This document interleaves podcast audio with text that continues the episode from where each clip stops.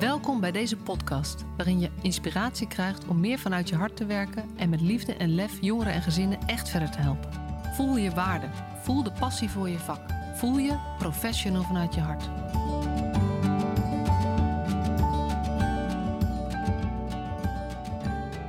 Welkom weer bij een nieuwe aflevering van de Professional vanuit je hart podcast. Met Masha Struik natuurlijk. Ik uh, doe alle afleveringen. En vandaag ga ik in gesprek met Judith Wietsma. Zij zit uh, ergens in, uh, in Friesland, volgens mij in Leeuwarden. Ze werkt ook bij Jeugdhulp Friesland als adviseur vitaliteit en inzetbaarheid. Um, ik, heb, ik kende haar tot drie kwartier geleden niet. Maar we hebben echt even moeten remmen om nu de podcast op te gaan nemen. Dus er gaat een energiewaterval over je heen komen. Wees voorbereid. Um, en het is even goed om te noemen dat deze podcast ook weer onderdeel is van de serie die ik maak voor Jeugdhulp Alles in het Werk. Met de Inspiratieweek van 20 tot 24 juni. Uh, met allerlei mooie, uh, interessante, inspirerende, verrijkende um, voorbeelden, um, uh, projecten, presentaties. En uh, deze podcastserie dus ook. Voor als je daar niet bij kunt zijn, dan kan je de podcast gewoon luisteren.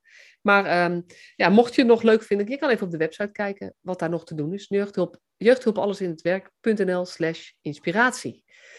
Na deze mooie introductie, Judith, ben jij een professional vanuit je hart? Volmondig ja, Marcia. En wat betekent het voor jou? Uh, professional zijn betekent dat ik uh, uh, vakkennis heb op een bepaald gebied. Dat vind ik prettig. Dat zit voor mij in het vak van HR. echt human resource, maar vooral naar de menskant. Verbonden met een beetje zakelijk instinct. Wat ik ook heel erg leuk vind. Dus we doen het niet allemaal voor alleen onszelf, zeg maar. En het is ook heel vaak wel een opbrengskant en een productiekant. Dus daar heb ik oog voor. Um, maar ik ga voor uh, het ontketenen van energie en bevlogenheid in de mens. Wow, ontketenen van energie en bevlogenheid in de mens. Ja, ja ik ben altijd op zoek naar uh, als mensen uh, energielekjes hebben of energiegevertjes zijn in het leven, ben ik altijd benieuwd waar dat vandaan komt. Want ik weet uh, hoe dat kan inspireren en hoeveel, nou, hoe, hoe ehm, ja, hoe ze dat, als een infectie, als een virus, mensen kan beïnvloeden. Dus dat vind ik mega interessant. Die sentimenten, emoties, dingen die gezegd worden. Hoe dat mensen energie kan geven. En hoe je in staat bent om zelf daar, als je je hart openstelt, mensen echt op te inspireren. En dat hoop ik zelf te doen. En ik hoop het eigenlijk ook erg te ontketenen in de ander, omdat ik daarin geloof dat mensen dat kunnen. Ja, oh ja. Nou, met andere woorden had ik hetzelfde kunnen zeggen. Echt mooi. en het, ik vind het wel grappig dat jij dat woord energie zo gebruikt. Ik heb uh, ook best wel wat ondernemerstrainingen gevolgd. Ja. ja. En um, daar is best wel gevleugelde uitspraak: everything is energy. Yes. En dat is, als je kijkt naar onze sector, hebben we het daar nooit over eigenlijk. Nou, terwijl we het wel dagelijks op de werkvloer zien. Want het is, uh, ik, uh, wij werken met uh, 600 eh, zeer betrokken, bevlogen mensen. En iedereen heeft, hè, je, je kunt zeggen de ene dag is beter dan de ander. Maar wat ik zie is een constante aanstaan met name energie om te gaan voor de zorg die aan kinderen en, ouderen, en ouders wordt gegeven. Aan mensen die zorgen, aan de pleegzorg. Ik voel niet anders. En ik weet, ik nodig je van harte uit bij ons in Leeuwarden. Um, als je de panden binnenloopt, dan krijgen wij ook vaak terug. Je voelt, je voelt het ook. Mensen zijn daarin sowieso al in beweging. Het is een ambulant vak, er gebeurt veel. Ze gaan echt, ze doen een stap naar voren naar kinderen en gezinnen. Uh, alleen dat al. Maar voor mij zit het er veel meer in. Hoe uh, bewaak je die levensenergie, zeg maar. En dan koppel ik er nog iets anders aan, dan zet ik er een woordje voor.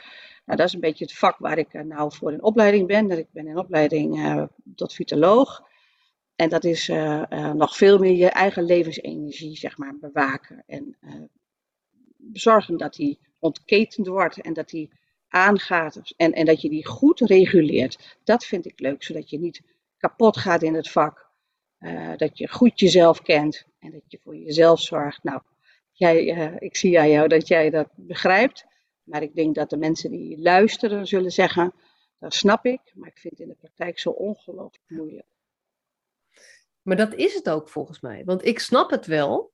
Ja. En ik tref mezelf ook af en toe weer aan dat ik het even kwijt ben. Ja, Dus het is ook heel menselijk om soms Ja. wel te weten hoe het Ja. zit of hoe het moet of zo. Maar ja, Ja. het leven overkomt je ook voor een deel. En dan Ja. gebeuren er dingen achter elkaar of het komt bij elkaar. Of weet je, je hebt een keertje ruzie met je, je hebt een keer ruzie thuis, noem maar even iets. Wat iets dieper gaat dan, hey, wie doet de afwas?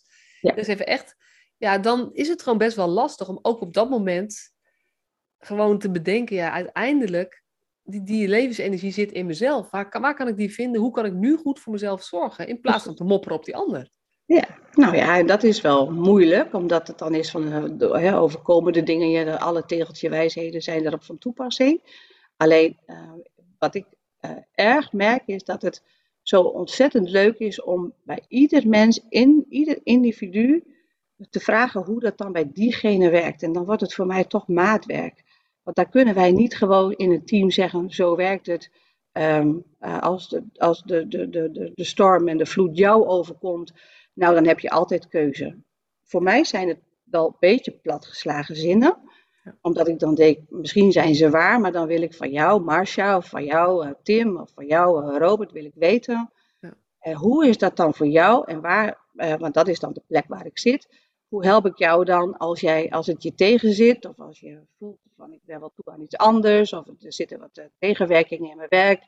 Op welk stuk zit het? En waar zijn wij als werkgever in staat om met jou te kijken waar we dat dan weer kunnen eh, of repareren, of waar we Ja. kunnen ondersteunen, waar we iets aan kunnen doen. En het kan ook een loopaanvraag zijn. Hè? Het is niet alleen vanuit de problematiek gedacht. Het is om te zeggen, hoe hou je erbij? Ja. En wat kan ik daarin doen? En dan Ja. is het, ja, maar ik moet misschien ook wel voor mezelf zorgen. En ik, nou, ik vind het ontwapenend dat mensen zeggen, ehm, nou, het begint misschien wel van, eh, ja, ik voel me niet lekker eh, en ik ervaar veel spanning en stress. Dat dat uiteindelijk kan zijn, ik vind het ongelooflijk ingewikkeld. Ik heb twee jonge kinderen, ik doe heel veel werk in het team, ook nog met kinderen. Ik ga eigenlijk tuten de tuut naar huis om vijf uur. En ik reguleer dat niet meer goed. Dan is de eerste aanleiding, ik ervaar stress, of ik ervaar druk, of ik ervaar spanning. Ehm, de grote, de grote eh, noemer en die hangt erboven. En elke keer ontdek ik wel daaronder een specifieke individuele vraag en ook een behoefte. Ja. En dat vind ik mooi om dan te zeggen, en wat is daar dan op te doen? Wat kun jij zelf? Eh, en ik ben elke keer weer verrast over wat mensen dan gewoon zelf verzinnen. Dat is het leukst. Ik kan het aanbieden. De mensen hebben intrinsiek ehm, eh, bij zichzelf te voelen, wat, wat, is mijn, wat is mijn belang dat ik hier wat mee ga doen. En dat is leuk, want, want eh, dan leg je het ook bij degene neer om te zeggen, hoeveel heb jij ervoor over? Want anders, eh, nou, dan ga je weer, ga ik ook hulp verlenen en dan ga ik het probleem van de ander oplossen. En daar zit de kern. Ken je jezelf goed genoeg en weet je wat je nodig hebt? Nou, Ja. dat is eh, de meest mooie vraag. Ja, en, en ehm, ik vond het ook wel mooi wat je zei, van je hebt altijd een keuze, is zo'n platgeslagen wijsheid. En Ja. dat, dat, dat is hij ook omdat hij heel vaak wordt gebruikt Ja. als, eh, zeg maar, zonder dat hart erbij.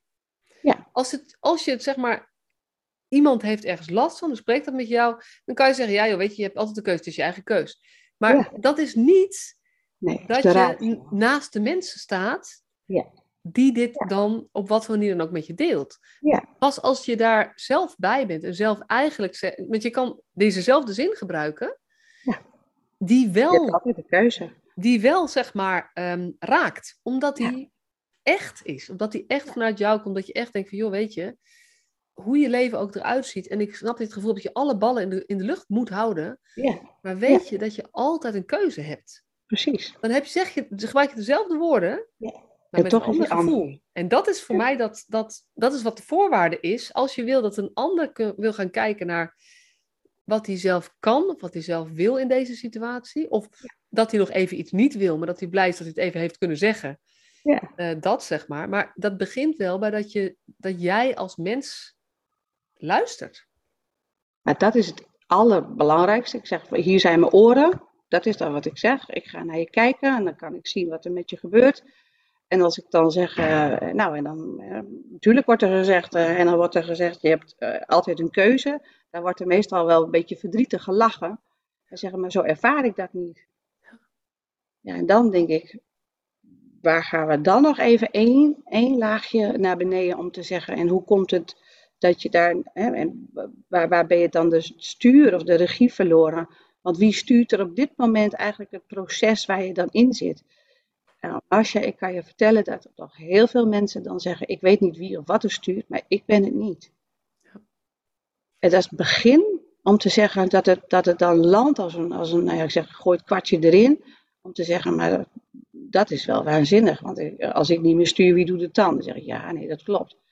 Maar de vraag, wie moet er eigenlijk sturen of wie zou het stuur terug kunnen pakken? Uh, dat is, dat, dat, iedereen weet het. Ja. En daarom zeg ik, het is echt geen hogere wiskunde. Maar het is zo fijn dat je met iemand de diepte in mag gaan om te erkennen, ik was hem gewoon kwijt. Ja. En zeggen, kan ik je helpen om hem weer terug te pakken? En al is het maar klein. Um, nou, dan leer ik op uh, de opleiding van vitologie om uh, op zoek te gaan naar hoe motiveer je mensen. Want het zit natuurlijk in, we kunnen er nog heel lang over blijven spreken. Nou, dan zijn we na drie kwartier, zijn we, zitten we in de misère, hebben we niks opgelost. Dan probeer ik uh, nu vanuit, uh, nou dat is een beetje de expertise die ik in het vak van vitologie ook leer.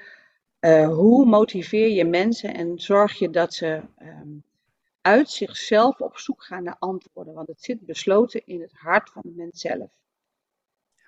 Er is geen enkel tegeltje wijsheid of boekje of theorie of grote lessen in te leren. De, het naar binnen keren om te zeggen, en nu moet ik zelf gaan onderzoeken wat ik hiermee wil. Ik vind een van de leukste dingen om daar um, met iemand naartoe te gaan. Om te zeggen, wil je met me kijken naar wat je in staat bent om zelf op te lossen. Als het gaat over werk en privé. Ja. Dat kan wel. Ja. Maar dat dat betekent dat ehm, als je iemand dus wil helpen in dit proces, zul je zelf de overtuiging moeten hebben, of het geloof moeten hebben, dat jij niet degene bent die weet wat goed is voor de ander. Dan zul je moeten beginnen met realiseren, de enige die weet wat goed is voor Masha of Tim of Robert, is Masha of Tim of Robert. Ja. En hoe kan ik naast diegene staan, Precies. steunend, vragen stellend, zodat die ander stapje voor stapje. De een heeft wat meer lef nodig, de ander heeft wat meer tijd nodig, weer een ander heeft misschien een, een iets hardere prik nodig. Ja. Om daar zelf naar te kijken van oké, maar als ik dan eh, als ik dan zelf de oplossing zou moeten weten, dan zou ik waarschijnlijk hier moeten beginnen. Ja, en weet je, dat is wat wel aan me gevraagd en ik ben echt geen heilige die weet hoe het moet. Maar ik denk dat als de, en ik denk, daarmee word ik ook in mijn kracht gezet binnen ons bedrijf. Hè. Ik mag dit uh, doen omdat ik makkelijk, uh, maar wel intens, snel contact kan maken. Ik ben heel lang op zoek geweest, ik ben nu 56 en ik heb heel lang wel gedacht, wat kan ik nou eigenlijk goed? Want dat draag je wel mee. Maar dan was het een, uh, niet primair mijn taak om, om contact te kunnen maken. Maar ik zei het altijd wel. Ik zei altijd wel, ik weet niet wat het is, maar ik maak heel makkelijk contact met mensen. Um, dat je dan vervolgens, uh, als je 50 bent, leert dat dat nog wel eens je kernkwaliteit kan zijn. En dat ook mag doen. En uh, ik een heerlijke, lieve, goede manager heb die zegt: Jut, volgens mij uh, moet je hier een beetje wat wil ik je daar wel mee helpen? Wil jij niet richting die vitaliteit? Want duurzame inzetbaarheid is best een ding binnen bedrijven. Zeker in onze branche van jeugdzorg. Uh, dacht ik, dat is, uh, dat is heel groot. Mensen hebben het gevoel dat is een kwestie van lange adem. Toen dacht ik, oh, ik ga dat gewoon heel klein, heel klein ga ik dat doen. En dan ga ik gewoon infecteren dat mensen gaan begrijpen dat het iets heeft te maken met het zit in onszelf. Uh, en zelfzorg, ik noem het ook wel eens een beetje het vak ecologie.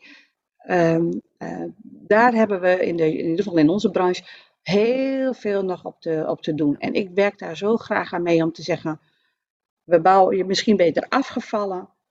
Maar hier leggen we even gewoon wat stutbalkjes en fundamentjes neer. En laten we gewoon zorgen dat je er niet afrolt.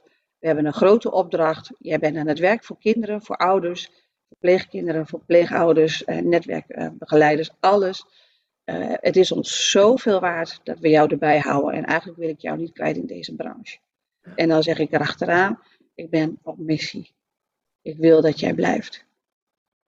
En als jij niet blijft, wil ik dat je in de zorg blijft. Maar liever heb ik dat je in jeugdhulpverlening blijft. Ja. Ja, dat, ik, ja, ik hoop dat het overkomt wat ik zeg. Denk ik dan, hè? Maar dat is waar ik heel erg voor ga. En dat is niet meer een groot. Ik ben wel, het is groot, het is krachtig, dat voel ik ook. Maar ik geloof ook in de werking van het kleine door, nou, ik noem het inmiddels uh, een gejatte term van een hele goede collega die hier ook veel op doet.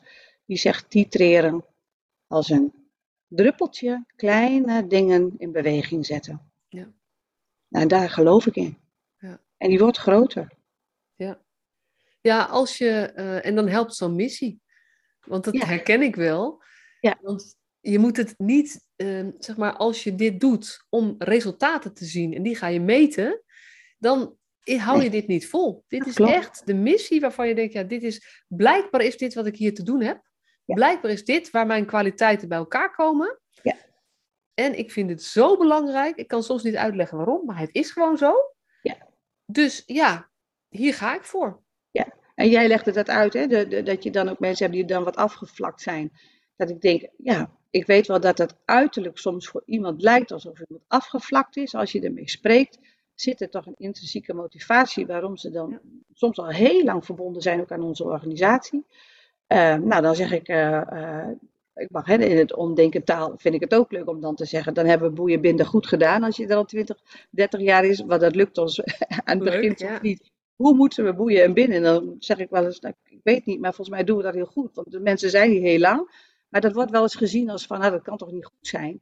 Maar weet je, als ik daar individueel mee spreek, dan lopen ze zich dagelijks, eh, nou, nou ja, voor alle luisteraars die echt op die werkvloer, ze verdienen voor mij goud. Ja. En daar wil ik voor lopen. Dus mijn, als je zegt op je professie met je hart, denk ik dat daar mijn eh, drive zit, waar ik eh, bijna moeiteloos dagelijks graag voor, voor, nou ja, voor nou ja, het vuur uit mijn sloffen loop. Maar dat is echt zo, dat doe ik echt heel graag. Ja. Omdat ik denk dat de, de, de zorg eh, zo belangrijk is dat wij dit blijven doen. Ja. Ik vind opvoedondersteuning, ik vind eh, als je er even af hebt gelegen, als je de grenzen niet hebt kunnen bewaken, het zijn de mensen van onze toekomst. We hebben, we, hebben, we hebben een opdracht. We zijn er niet voor niks.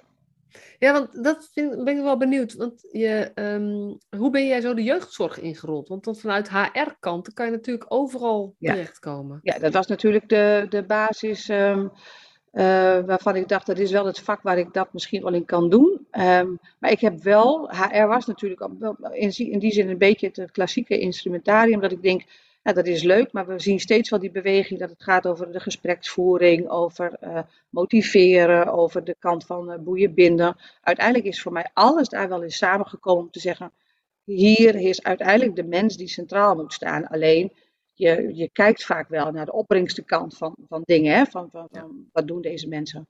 Ik heb wel eh, gaandeweg het, eh, de, de loopbaan in, eh, in HR gedacht, elke keer ga ik heel erg voor, voor de mens.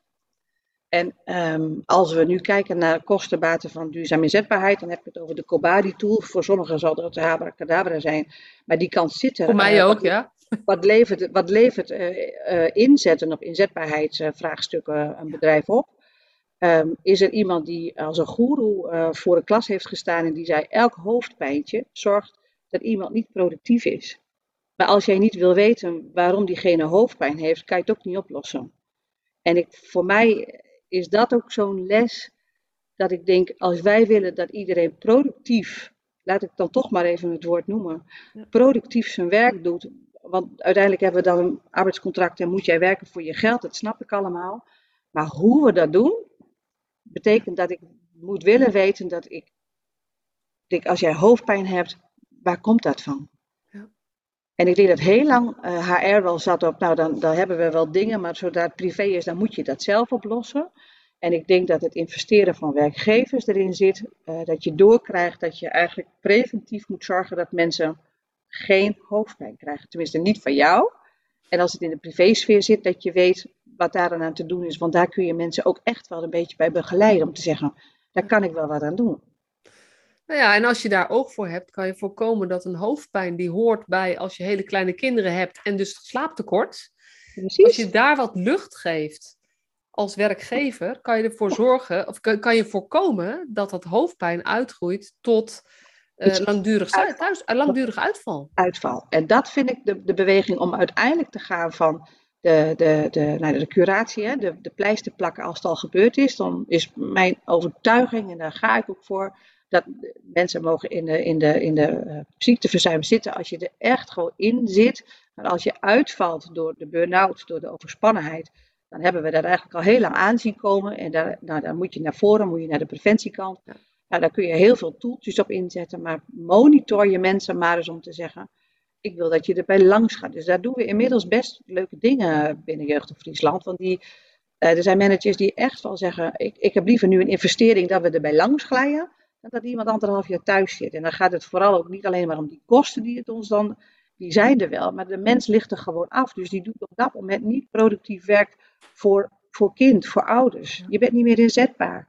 Maar het leuke is dat als het lukt om deze switch te maken, dan is het voor de professional fijner, maar gaat ook die manager ja. eigenlijk zijn werk als um, ja, zinvoller is wel heel, maar meer zingevender. Zeker.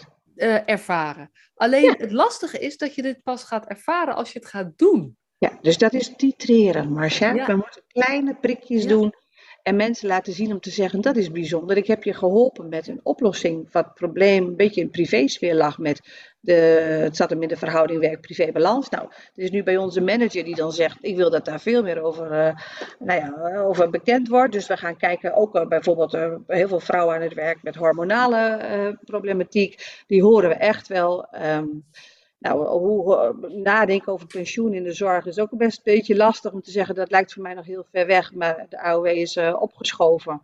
En ik heb toch wel een beetje de buik vol dat ik denk, die laatste drie jaar valt mij zwaar. Nou, dat hoor je wel, maar wat gaan we dan doen? En een paar, de, de, inmiddels zijn er wel door die kleine prikjes om te zeggen, daar hebben we informatie op te geven. En vervolgens wel af te dalen naar de mensen waar het over gaat, om te zeggen, in hoeverre heb jij hier last van? En wat kan ik daar voor jou op betekenen, zodat je die uitval niet krijgt. Want ik heb jou nodig en ik wil je gewoon preventief, het liefst nog op amplitie naar voren, dat is de stap naar voren. Amplitie is, ik wil dat je goed gematcht blijft op dat wat jij goed kan. Want zo blijf jij erbij en dan is het werken moeiteloos. Maar dat, wat ik zo onwijs gaaf vind, je zei net ook al zoiets, nu zeg je het weer, is dat de insteek is, ik wil je zo graag erbij hebben. Niet, ik wil wel dat je je cijfers kunt halen. Dus maar, want zodra die platgeslagen wordt en die gekoppeld wordt voor die medewerker aan het verdienmodel, Correct. ben je kwijt. Dat ben je kwijt. Maar dan dus het vraagt, van, het vraagt ook van managers binnen organisaties een heel andere manier van kijken dan ze heel lang gewend zijn geweest. Ja. Uh, en misschien wel wat hun comfortzone is. Want dit betekent ja. ergens de productiecijfers een klein beetje los kunnen laten. Om ruimte te maken voor de mens. Vanuit het vertrouwen dat als je dat doet, ja. Dat dan de productiecijfers, waar we het helaas in onze sector ook over hebben, maar dat die uiteindelijk beter zijn. Ja, en ik ben ervan overtuigd dat het ja. zo werkt. En daar zijn boeken vol. Ik heb hier uh, naast mij een uh, bijna halve meter uh, boek over alle onderwerpen. En ik weet dat het zo is, maar mijn, mijn rotsvaste overtuiging is dat het gaat om de beweging in het klein te veroorzaken. En daar vind ik, dat vind ik ook belangrijk. Ik ben ook graag uh, adviserend aan de medewerker om te zeggen. En, en, met permissie vraag ik soms wel eens: um, zal ik vertellen wat ik denk wat zou kunnen helpen? Maar eigenlijk um, uh, vertraag ik nog meer door er goed vertragen helpt om te zeggen. Als jij het uit jezelf kan ontdekken waar, de, waar, waar jouw eigenlijk ja, je vraagstuk ligt, is dat mooi. Maar die zit ook naar je managementlaag om met een beetje, nou ja, ja. jij hebt het zelf ook op je boek, ik, de liefde, met liefdevolle vragen en met een beetje moed om toch de dingen te vragen of aan te kaarten, zeg maar, vanuit de plek waar ik zit, om te zeggen, ik ga je advies geven. En nou ja, ik ben niet van Be My Guest. Ik hoop dat je dat aanneemt. Dus daar doe ik alles voor, dat, het, dat dat in die driehoek bij elkaar komt. Ik, hoor, ik spreek een medewerker, ik zie soms een leidinggevende. Ik, ik denk dat als we het zo doen, dan ben ik zo benieuwd wat het zou gebeuren als we gaan investeren op iets waardoor die medewerker hoofdpijn niet heeft, privé beter kan oplossen, uh, hormonaal beter aan de wind kan varen. We hebben er een interventie op gedaan, noem ik het. Nou, dan neem ik aan de rechterkant uh, de bedrijfsarts mee.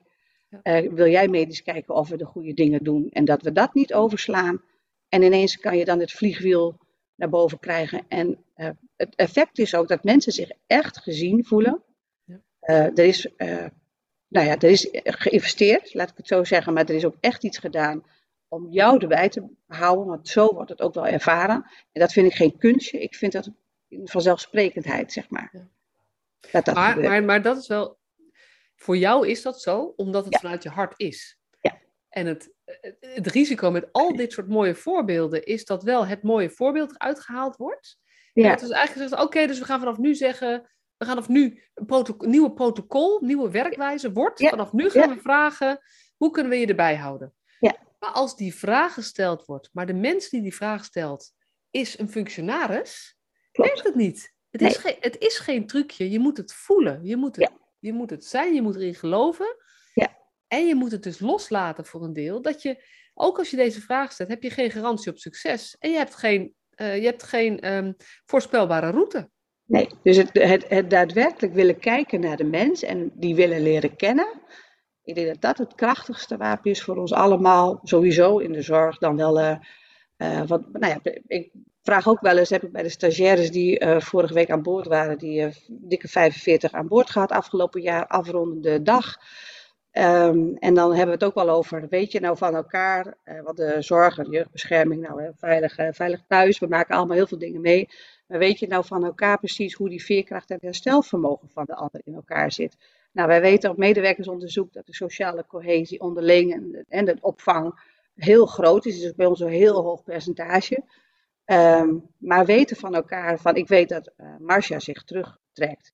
En dat, uh, dat Anita uh, eigenlijk gewoon heel boos gaat zijn. En misschien wel drie dagen even eraf moet. Um, vroeg ik aan die stagiaires, nou jullie hebben met elkaar gewerkt, waren teampjes op diverse afdelingen. Weet je het systeem van uh, ontregeld raken van elkaar? En uh, uh, nou, een aantal wist het wel. Hè. Dat is, de eerlijkheid is ook, dat weet ik, dat, dat zie ik. Maar heb je elkaar ook zo goed in de gaten dat je daar het gesprek eens een keer over hebt gevoerd? Ik zie dat jij je terugtrekt. En ik leer dat dat, dat onderling nog, meer, nog meer naar boven komt. Dat willen we nou, in ons bedrijf ook heel graag naar voren halen dat we dat mensen leren die bij ons komen werken vanaf nou, dag één. Uh, weet dat we je hier ook zullen, op zullen bevragen dat je zelfzorg en zelfkennis nodig hebt om het in het vak te overleven. Het is uh, moeilijk om overeind te blijven, maar als het je lukt, heb je ook te leren van jezelf, maar ook je behoeftes te erkennen en te zeggen, hoe werkt dat bij mij? Uh, leer, leer over uh, wat doe ik bij stress, hoe reguleer ik dat? Spreek daarover, vertel het aan je mensen, agendeer het in het werkoverleg. En zeg, je moet op mij letten als ik stilval. Ja. Uh, ik heb nodig dat ik na een heftig incident even gebeld word. Dat vind ik prettig. En als ik dan aan managers vraag, wist je dat iemand eigenlijk niet zo heel veel nodig heeft, maar wel een belletje. En, zich niet, en je hoeft niet uit te roosteren, maar voor diegene helpt een belletje dan kun je precies wat jij zegt opschrijven. Wij bellen altijd na na incident. Maar het gaat erom dat jij dat weet van jouw mensen om te zeggen: Ik weet dat ik jou even moet bellen en ik moet jou twee dagen uitroosteren. En dat maakt zo'n verschil. Dat is maatwerk leveren. Op inzetbaarheid en zeggen: Ik wil jou er duurzaam bij blijven hebben. Misschien moet dat er nog wel tussen. Ik wil dat je duurzaam bij ons blijft, werkzaam in de zorg en in de jeugdzorg voor ons dan. Ja, en, en weet je, dit raakt dan weer aan ook mijn, toch mijn orthopedagogisch stuk. In de zin van onze gemeenschappelijke opdracht met z'n allen is wij krijgen geld om jongeren en gezinnen goed te helpen. Ja. ja. Ik, ik deel helemaal wat jij zegt. En jij hebt het heel erg over God, dat is belangrijk voor die medewerker. Maar ik ben er helemaal van overtuigd dat als wij medewerkers meer op deze manier opleiden, ik wil niet zeggen faciliteren, maar wel ook uitnodigen uitdagen, deze cultuur met elkaar bevorderen, dan levert dat betere jeugdhulp op. Ja. Eh, want het zit. Eh, dus het heeft, op, het heeft gewoon op zoveel vlakken heeft het meer voordeel. En uiteindelijk is het ook nog eens kostenbesparend. Ja, dat is. dat is ook interessant, want dit is, uh, weet je, dat is natuurlijk bij HR altijd. Uh, en dat ga ik nu weer even onder HR, hè, want ik weet dat je een mooiere titel hebt dan dat. Ja. Uiteindelijk gaat het ook over de kosten van ziekteverzuim. Ze zijn gewoon heel hoog. De kosten van verloop zijn enorm hoog. sprak laatst een organisatie en uh, nou, die wilde mij misschien inhuren, maar die hadden wel een probleempje. Want 80% van hun opleidingsbudget van dit moment ging naar het inwerken van nieuwe medewerkers. En er was een heel hoog verloop. Dus dat percentage bleef ook zo hoog. Dus bleef dat voor de zittende mensen blijft er 20% over. Weet je, ik snap dat dit zo werkt. Dus je moet ergens. Een, dit is, ja, het vierkant is het vierkant. En je hebt nergens een, een, zak geld staan. Dus het zal bij jullie ook spelen dat er keuzes in gemaakt moeten worden. At the end gaat ons dit wat opleveren. Maar kan je eens ons meenemen in hoe dan? En kan je eens wat cijfers noemen? Wat, wat kost ziekteverzuim eigenlijk? Nou, als wij, uh, bij ons uh, is het ziekteverzuimpercentage, uh, we, we, we, moeten dat proberen te houden op 4,7 procent. En als we dan spreken over, kun je het percentage noemen, dan zegt iedereen, ja, als je dan 6 hebt, en in de coronatijd vloog je naar 7 naar 8, op een ploeg van 600 mensen en een omzet, nou die, dat even daar gelaten. Op een gegeven moment denk je, ehm, we halen die 4,7 de komende tijd nooit meer. Maar als ik vraag, weet je hoeveel geld erin omgaat? Dan uh, wordt dat ook wel, hè, ook wel van de gemeenschap betaald. En dat is wat we volgens mij met elkaar wel vaker hebben te bespreken. Om te zeggen, als dat erin omgaat en we zouden daarop kunnen bezuinigen, laat mensen dan de inzet doen om daar hele kleine speldenprikjes te doen. Om dan te kijken, maar als ik um, iemand help met um, even tijdelijk wat meer verlof, ik uh, help iemand toch met een uh, training op mindfulness, want dat helpt gigantisch, is dat voor ons niet aldoor meer een issue om te zeggen, betaal je daarvoor, als iemand daarmee niet in die 2 miljoen van die ziekteverzuim terechtkomt. Want dat gaat erin om. Het is weer Dit bedrag, hè? 2 miljoen per ja. jaar. Ja. Even dat gewoon... kan iedereen uh, overal lezen en elk bedrijf doet er moeilijk over, omdat we dan spreken over wat is het percentage. En dan vraag ik wel, ja, maar uh, je moet het in bedragen gaan noemen. Ja. En uh, geef mij dat budget maar om, daar, om, daar, uh, om, dat te beheer, om dat te beheersen, maar naar voren te halen. Je moet ze er niet in willen laten vallen. Nee. Dat, nee, dus je als je het omdraait. Ja, dan moet je naar voren. Dit, dit bedrag, dit, want dit, dit gaat over jullie organisatie, hè? Ja. ongeveer. En dit gaat niet over precieze cijfers, maar nee. zo ongeveer 2 miljoen. En dan zou je kunnen zeggen van um, een deel van dat ziekteverzuim is niet te voorkomen. Als iemand nee. kanker krijgt, iemand krijgt chemotherapie. Dat hoor jij in het ziekteverzuim. Dat, dat is ziekteverzuim. Daar, daar moeten we ook niet proberen om ons nee. best te doen in eerste instantie. Maar het gaat nee. over andere vormen van ziekteverzuim waar de invloed ligt. Dus alle PSA, HR, cretologie, psychosociale, psychosociale arbeidsbelasting, de druk van ons werk. Die hoog is. Die, die hoog is, die zitten ook in het ziekteverzuim. Ja. Die horen daar niet. Ja. Ja. Die horen daar niet in te zitten. Dan doen wij iets stelselmatig niet goed. Ik noem het dan in ons systemisch denken. Dan zijn wij ook net zo goed dat we willen dat kinderen preventief erbij gehouden worden. Ik wil jou erbij. Ik wil niet dat je uitvalt. Ik wil dat je veilig bent in je gezin. Daar doen we veel voor. Dat geldt ook voor onze mensen. Om te zeggen, daar hoor jij niet in. In het uh, dan curatief plakken we dan in het ziekteverzuim. Dat is mijn beeldspraak ook. Uh, en dat is ook uh, dat is allemaal bekende wetenschappelijk, hè, dat, dat je op deze manier werkt. Maar dat je dan eigenlijk moet zeggen, dan plak ik de pleister. Terwijl je denkt, daar had je niet in moeten zitten. Dan ga je uh, curatief handelen. Nou, dat is precies hetzelfde bij het systemisch denken over wat doen we dan met de kinderen en met de ouders. Je wil zo vroeg mogelijk voorkomen dat de kinderen daar uit huis worden geplaatst. Ik, maak die, ik doe dat wel vaker op deze manier, omdat ik denk, ja, zo zo makkelijk is het om het te vertellen. We willen naar preventief. Ik wil niet dat jij, er, ik wil niet dat jij daarin terechtkomt. Dat kost ons misschien geld. Maar het is met het mensenleven ook niet waard. Want jouw hart moet lopen voor kind en ouders en opvoedondersteuning. Uh, Daar zijn wij voor. Behandelen. Hou die mensen erbij. Hetzelfde geldt voor onze mensen. Nou, en als je dus anders gaat denken, maar het is wel de, de kost gaat voor de baat uit, zeg maar. Dus het is, ja. je moet erin geloven. Je hebt ja. ook mandaat nodig, je hebt ja. een directie nodig, je hebt managers nodig die dit, ja. hoe spannend ook, dit, ja. dit, dit, voelt als financieel risico nemen. Maar het betekent. Maar ze, gaan, ze gaan mee, Marcia. Ze gaan mee. Maar het betekent dus eigenlijk dat, nou ja, je noemt een, zegt een, een, een hormonale uh, klachten. Nou, weet je, dat, dat is meer aandacht van vrouwen in de overgang, bijvoorbeeld. Wat echt een grote belasting is. Ik heb er nog net ja. niet mee te maken, maar ik kijk er ook niet helemaal naar uit. Maar uh, ja. ik vind het wel, daarom zal het wel mij nu ook opvallen dat het eens overal over gaat. Ja. Um, is um, als we daar geen aandacht voor hebben, dan leidt dat mogelijk tot uitval van een aantal maanden. Ja. Als je daar eens een bedrag aan zou koppelen. Nou, Precies. geen idee, dan heb je het al heel snel over 30.000 euro. Ja. Noem ik maar eventjes. Hè. Als iemand een, een half jaar uitvalt, jij zit meer in de cijfers dan ik. Zit op eh, 200 euro per dag voor een medewerker, dan moet je ook nog vervangen. Zit alles in, hè? Zeggen ze Precies. Dat is, dat is een beetje de kostenbaat van duurzaam inzetbaarheid. Ja. Hier En- gaat het. En als je in plaats daarvan, op het moment dat je merkt dat iemand daar last van heeft, in dit geval altijd een vrouw, kunnen, ik weet niet wat voor klachten mannen hebben, ik wil het niet heel seksspecifiek maken, maar dat je in plaats dat je het aanhoort en zegt van goh, wat vervelend voor je en over tot de orde van de dag, dat je investeert in een goed gesprek en een aantal goede gesprekken, Precies. en die mevrouw zou zeggen van, goh, weet je, ja, ik merk gewoon dat het heel zwaar is. En ik denk dat het mij helpt om, nou, noem iets, later te beginnen. laat het te beginnen. Of ehm, eh, de vrijheid te hebben om af en toe even een, een, een uitpufdagje eh, te nemen. Dus het zou mij helpen eh, als ik gewoon tijdelijk wat minder werk. Ja. Bijvoorbeeld drie uur per week. Noem maar Ja. even iets. Vrij inzetbaar te verdelen, die drie uur per week. Menstruatieverlof, noem. Menstruatieverlof, overgangsverlof. We krijgen allerlei soorten penopauzeverlof, gaan we ook doen. Maar dat je dat doet, als je eens gaat kijken wat dat kost, dat Ja. kost minder.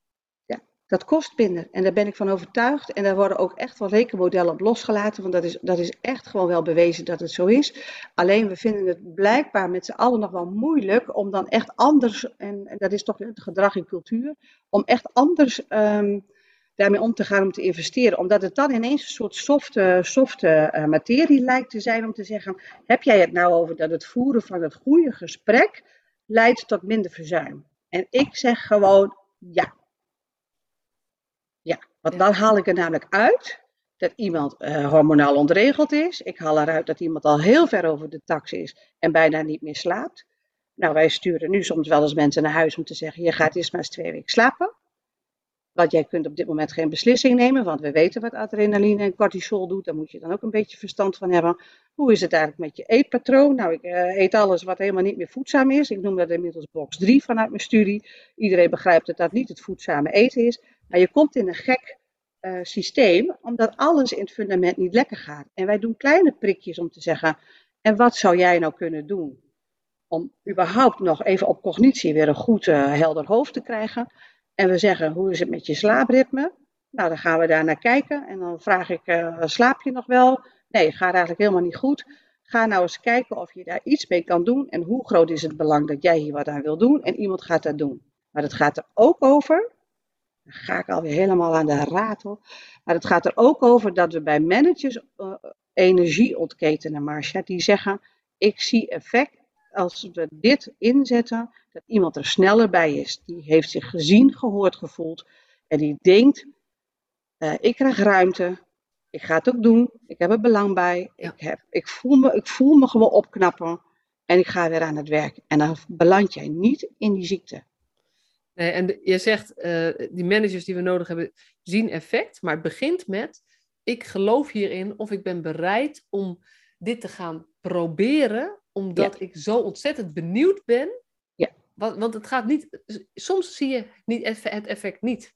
Nee, maar je En ziet het het wel, toch het je ziet juiste het om wel te op de werkvloer. Je ziet het op de werkvloer. Bij één locatie wordt nou toch een stilteruimte ingeregeld, omdat daar behoefte aan was. Omdat mensen daar, nou ja, jong en zelf kinderen, zeiden eigenlijk ga ik van de ochtend naar mijn werk in de kinderen. En om vijf uur ga ik tuten de tuten, stressvol in de auto, boodschappen doen, lalé. Eh, al die dingen moeten nog, maar mijn eigen kinderen zijn er ook. Mijn rol verandert ter plekke van professional naar moederrol. En dan hanteer ik hem soms eh, bijna niet meer zoals ik eigenlijk professioneel gezien zou willen. Daar heb ik ontzettend veel last van. Wij noemen dat inmiddels het onderwerp eh, ouderschap en ambitie. En nou, daar zijn wij nu bezig met een programma om te zeggen, lieve jonge ouders, je doet al werk met kinderen. Je hebt zelf net kinderen gekregen. Wij snappen dat dit heel ingewikkeld is. Je slaapritme is verstoord. Eh, je werkt ook nog met die stemmetjes die de hele dag maar zijn. Hoe ga jij eigenlijk naar huis? Nou, eh, stressvol, zweten in de auto, hopen dat je even kan bijkomen. Nou, daar hebben we inmiddels ontdekt dat dat niet voor één is, maar voor een best een grote groep. Ja. Dus wij gaan nu toch voorlichting geven over ehm, hoe gaan we dat vanaf de zwangerschap beter doen. Hoe combineer jij werk en met je professionele ambitie om echt gewoon gedragswetenschapper, eh, goede hulpverlener, goede jeugdzorgwerker te zijn, goede medewerker algemene dienst. Alles draait erom om te zeggen, Mijn ritme raakt verstoord. Werkgever, Ja. ik wil zo graag erbij blijven. Want een medewerker wil dat ook, hè? Die wil zo graag erbij blijven. Niet uitvallen. Nou, dat is, natuurlijk zo'n zo'n voorbeeld ook. Ik, je, ik heb zelf, mijn jongste is net vijf geworden, dus ik begin een beetje weer de ruimte te adem te krijgen. Maar Ja. ik, ik weet gewoon de, eh, het feit dat het nooit stopt. Ja. Dat is wat voor de lange termijn gewoon maakt dat je op, sommige momenten gewoon niet meer functioneert. Dus Nee. ik denk, in eerste instantie zei stilteruimte, dat ik dacht, nou ja, eh, maar- maar nu je dit voorbeeld geeft, denk ik ja. Maar als het betekent dat zo'n jonge ouder even een half uurtje kan hebben waarin er niet iemand mama, mama, mama roept, er geen luier verschoond hoeft te worden en er even geen telefoon gaat. En ook professioneel niet, hè? Precies, ook professioneel niet, maar dat, dat, dat je faciliteert eigenlijk wat iemand die geen jonge kinderen meer heeft thuis kan doen, namelijk even een half uurtje op de bank zitten en even bijkomen. Dat kan niet in die levensfase. En weet je, dan lijkt het een stilteruimte, maar wat Ja. we doen is dat je het eh, autonome zenuwstelsel daadwerkelijk, want dan, Ja. dan heb je ook te leren van hoe, hoe, eh, hoe, hoe krijg je dat, de, nou, de, de, de overspannenheid, zeg maar, de gespannenheid gereguleerd. Ja. Dat je tools meegeeft om te zeggen met ademhaling, eh, kun jij je zenuwstelsel, want dat doe je ook zelf, dat aanstaan, dat doen wij zelf. Je hebt het te reguleren, dat moet je leren. Dus Ja. iemand anders kan ook nu zeggen, ik zie toch dat er nu wat gebeurt, ga er nou alsjeblieft naartoe. Ga toch eh, reguleren, doe iets met de ademhaling. Daarmee, weet je, je faciliteert iets, maar je laat de verantwoordelijkheid, leg je eigenlijk nog sterker bij de persoon. Waardoor hij zich ook weer krachtiger gaat voelen. Ja, dat is het. En daar hebben ze ook behoefte aan. Alleen Ja. je, kunt er, je kunt er een, de, de plus en de- ja, er zitten voor mij alleen maar plussen aan. Ja. Alleen het is eh, intrinsiek dat ze zeggen: ik ga er gebruik van maken. Want op deze manier kan ik, als ik dat nou twee, drie keer tien minuten mag doen, ehm, dan, dan rij je toch rustiger naar huis. Want je hebt daadwerkelijk als bedrijf, maar ook als, als medewerker, heb je jezelf ja, eigenlijk lopen ontstressen. Ja. Dat is toch fantastisch? Ja, en wat jij tussendoor eventjes noemt, en daar zei je al eerder ook iets over, ehm, dat eigenlijk als je in zoiets schiet, en we noemen nu ouders van jonge kinderen, maar er zijn allerlei, weet je, het gaat eigenlijk om allerlei situaties. maar wat, wat daarbij heel erg helpt, zijn je collega's, of de mensen die dan zijn, als spiegel. Die jou helpen Ja. om te zien, hey, volgens mij ben jij, zeg maar, raak jij eigenlijk een beetje jezelf kwijt. Zie ik het goed? Ja. Wat, wat staat je te doen? Wat is jouw Ja. manier om hier. Zorg even voor jezelf. Waarmee dus niet de ander voor jou gaat zorgen, maar je wel helpt om, te, om zeg maar een soort van spiegel te zijn. Te zeggen, hey, Ja. volgens mij eh, moet Ja. je even voor jezelf zorgen. Ja, en weet je, in de behandel eh, eh, en de programma's zit dat erin dat je bij ouders in parenting, dan, in de systemische eh, eh, behandelprogramma's, dat je weet dat als de ene ouder gewoon op de escalatieladder aan het ontploffen is, dat de ander de hand kan pakken om te zeggen, eh, ik neem het even over. Dat is in onze expertise die we doen naar de ouders, weet je dat het zo werkt. Collegiaal werkt dit ook. Ja. Ik pak jou bij de hand, Ja. want ik zie dat jij ontregeld raakt. En dan zeggen we, weet dan dat adrenaline, cortisol op dit moment Ja. bij jou aan het razen is. Ik noem het dan altijd, dan vindt er een beetje een vorm van vervreemding plaats. Want je bent dan ook helemaal verbijsterd over, nou weet je, ik raak verhit of ik, eh, weet ik niet, ik ga huilen. ehm, Ja. Of alles ik ga doorrennen, wat heel veel En mensen doen. doorrennen en zeggen, eh, je bent dan soms ook zelf niet in staat om daar de rem op te zetten. Daar heb je de ander bij nodig. Dat helpt bij ouderschap ook heel goed. Dat helpt dus collegiaal ook heel goed. En het we dat mooiste van zou zijn als, als ook managers, zeg maar, Ja. zichzelf ook als gewoon collega's zouden zien. Ja, maar dat is ook zo. En daarin wel een, weet je, je hebt wel een extra zorg, ja, zorgrol klinkt dan weer te groot, maar eh, dit is wel een andere manier van manager zijn. Ja, en ik, vind- en ik vind ook, eh, ik geef het je te doen, eh, leidinggevende zijn in de zorg. eh. Ja. Daar heb ik echt diepe respect en mercy voor. Want je, je, je managt van alles en het is ingewikkeld. Maar het rolt hun ook aan alle kanten van het bordje af. Dit dus gaat het ook over hen. gaat ook over hen. Ja, ja En, en zij verdienen, dat, zij verdi- zij verdienen vanaf de bestuurder, nou ja, ik, daar, daar bloedt mijn hart voor. Eh, want ik geef het je te doen in de, in de eh, financiële wereld waarin we zitten. Ja. Om het overeind te houden. En de Dus daar- druk, weet je, de verantwoordelijkheid die zij ook voelen, eh, ook voor diezelfde medewerkers. We moeten wel financieel gezond blijven, want anders staan mijn medewerkers straks op straat. Ja. Wat heel erg kan leiden tot leiderschap of management met productiecijfers, productiecijfers, productiecijfers. Wat heel kil kan overkomen. Ja. Wat eigenlijk ook vanuit ergens oorspronkelijk best wel een goede intentie is. En cultuur verander je volgens mij door gesprek. Ik weet dat jij daar Ja. ook, dat, dat, dat, ik denk echt dat dat zo is. Eh, want dan komt de verandering op gang. Ja. Dat geloof ik echt. En ik denk als ehm, van hoog tot laag, eh, dat, dat, nou, dat, wij noemen dat ook wel, hè, dat is ook een vakhard mag ontmoeten. Het professionele vakhard mag ontmoeten. Dat ik dan denk dat we een, nou ja, daar ben ik eh, medestander, denk ik met jou, dat we een beweging kunnen creëren in de zorg. Om te zeggen, en dit is wat we hebben nou, te leren en te ontwikkelen, uit te dragen. Ja. En elkaar op te inspireren en veel meer over te vertellen. Ja, ja, ja, ja. Helemaal, weet je, we zijn, we zijn het echt helemaal met elkaar eens. Want het is ook, dit is ook, wat voor mijn gevoel, ehm, waar, zo'n, waar zo, veel, te, ja, zo te weinig aandacht voor is. Ja. En ook nu weer, weet je, er wordt weer gezegd, we moeten echt naar effectieve interventies. Dan denk ik, jongens, we missen de boot. We, missen, we slaan de plank mis. Ja. Ja, dit is zeg maar vinkbaar, meetbaar. Ja. Voor de korte termijn, eh, checklist waardig. Ja. Maar uiteindelijk duurzame zorg en ehm, ook dat behouden en eh, echt de lange termijn goede medewerkers hebben, goede zorg hebben, zit in iets anders. zit in iets anders. En als, als, eh, nou dat kun je continu blijven meten. En ik, ik, ik blijf, ehm, en daar ben ik echt mee op missie, dat ik denk, nou, dat ik geloof erin dat het in kleine dingen kan zitten om te zeggen, oké, nou dan, dan, dan, dan ja, hebben we werk te doen op de werkvloer. Er zijn eh, gesprekken daar te voeren. En daar toch ook het goede en ook nou ja, moedige gesprek. eh, met soms kloppend hart de vlek in de nek. eh, toch zeggen, ik waag het erop, ik laat mijn hart spreken. Ja. En als die niet naar het hoofd schiet van, ik weet wel dat ik allemaal mooie woorden moet gaan zeggen, dan weten we vaak intrinsiek, deze spreekt met het hart. En we krijgen er eigenlijk steeds meer behoefte aan en ik denk ook dat het nodig is. Ja. Maar de medewerkers op de werkvloer weten hun hart wel. Ja. Ja. Ben ik van overtuigd, want ik zie het dagelijks. Dank je wel voor je bevlogen en inspirerende en niet te stuiten energie. Ja. Ik weet het.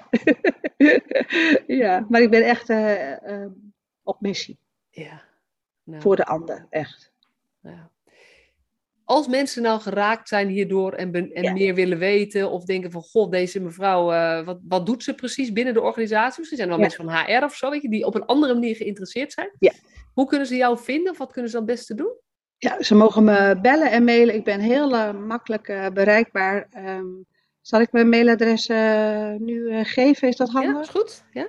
Wietsma.j apenstaartje jeugdhulpfriesland.nl ja, nou die is nog goed te onthouden ook. Ik zal hem even in de show notes erbij zetten. Doe maar. Je bent ook Heel op mij. LinkedIn volgens mij, dus eh, Ja.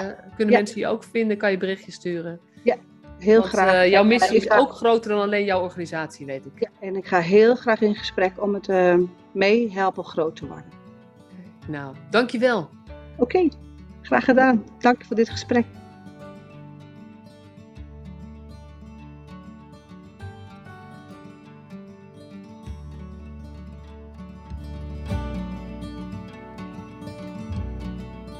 Superleuk dat je weer luisterde naar deze podcast. Dankjewel. Nog even kort een paar belangrijke dingen. Ten eerste, het is mijn missie dat de jeugdhulp weer een sector wordt waarin bevlogen, liefdevolle professionals jongeren en gezinnen echt verder helpen. Daarom maak ik deze podcast voor jou. Wil jij deel uitmaken van deze beweging van Professional vanuit je hart, waarin professionals elkaar steeds opnieuw inspireren? Begin dan met het lezen van mijn boek. Je kunt de eerste hoofdstukken helemaal gratis lezen. Ga naar professionalvanuitjehart.nl slash boek. Ten tweede, wil je alle podcastafleveringen overzichtelijk onder elkaar? Abonneer je dan op deze podcast. Klik in je podcast-app op de button subscribe of abonneren. En elke keer als er een nieuwe podcastaflevering gepubliceerd wordt, ontvang je automatisch een berichtje. Ten derde, ondersteun je mijn missie? Geef me dan een review via je podcast-app, bijvoorbeeld iTunes of Spotify. Op die manier kan ik nog meer professionals bereiken. En ken je een collega voor wie deze podcast ook interessant is? Dan zou het super zijn als je hem of haar de podcastaflevering doorstuurt. Bijvoorbeeld door de link te kopiëren via Spotify. Ik vind het altijd heel leuk om berichtjes te ontvangen van luisteraars. Om te horen wat je van een podcast vindt. Of als je misschien vragen of suggesties hebt. Of als een aflevering je een bepaald inzicht heeft gegeven of er iets in beweging is gekomen.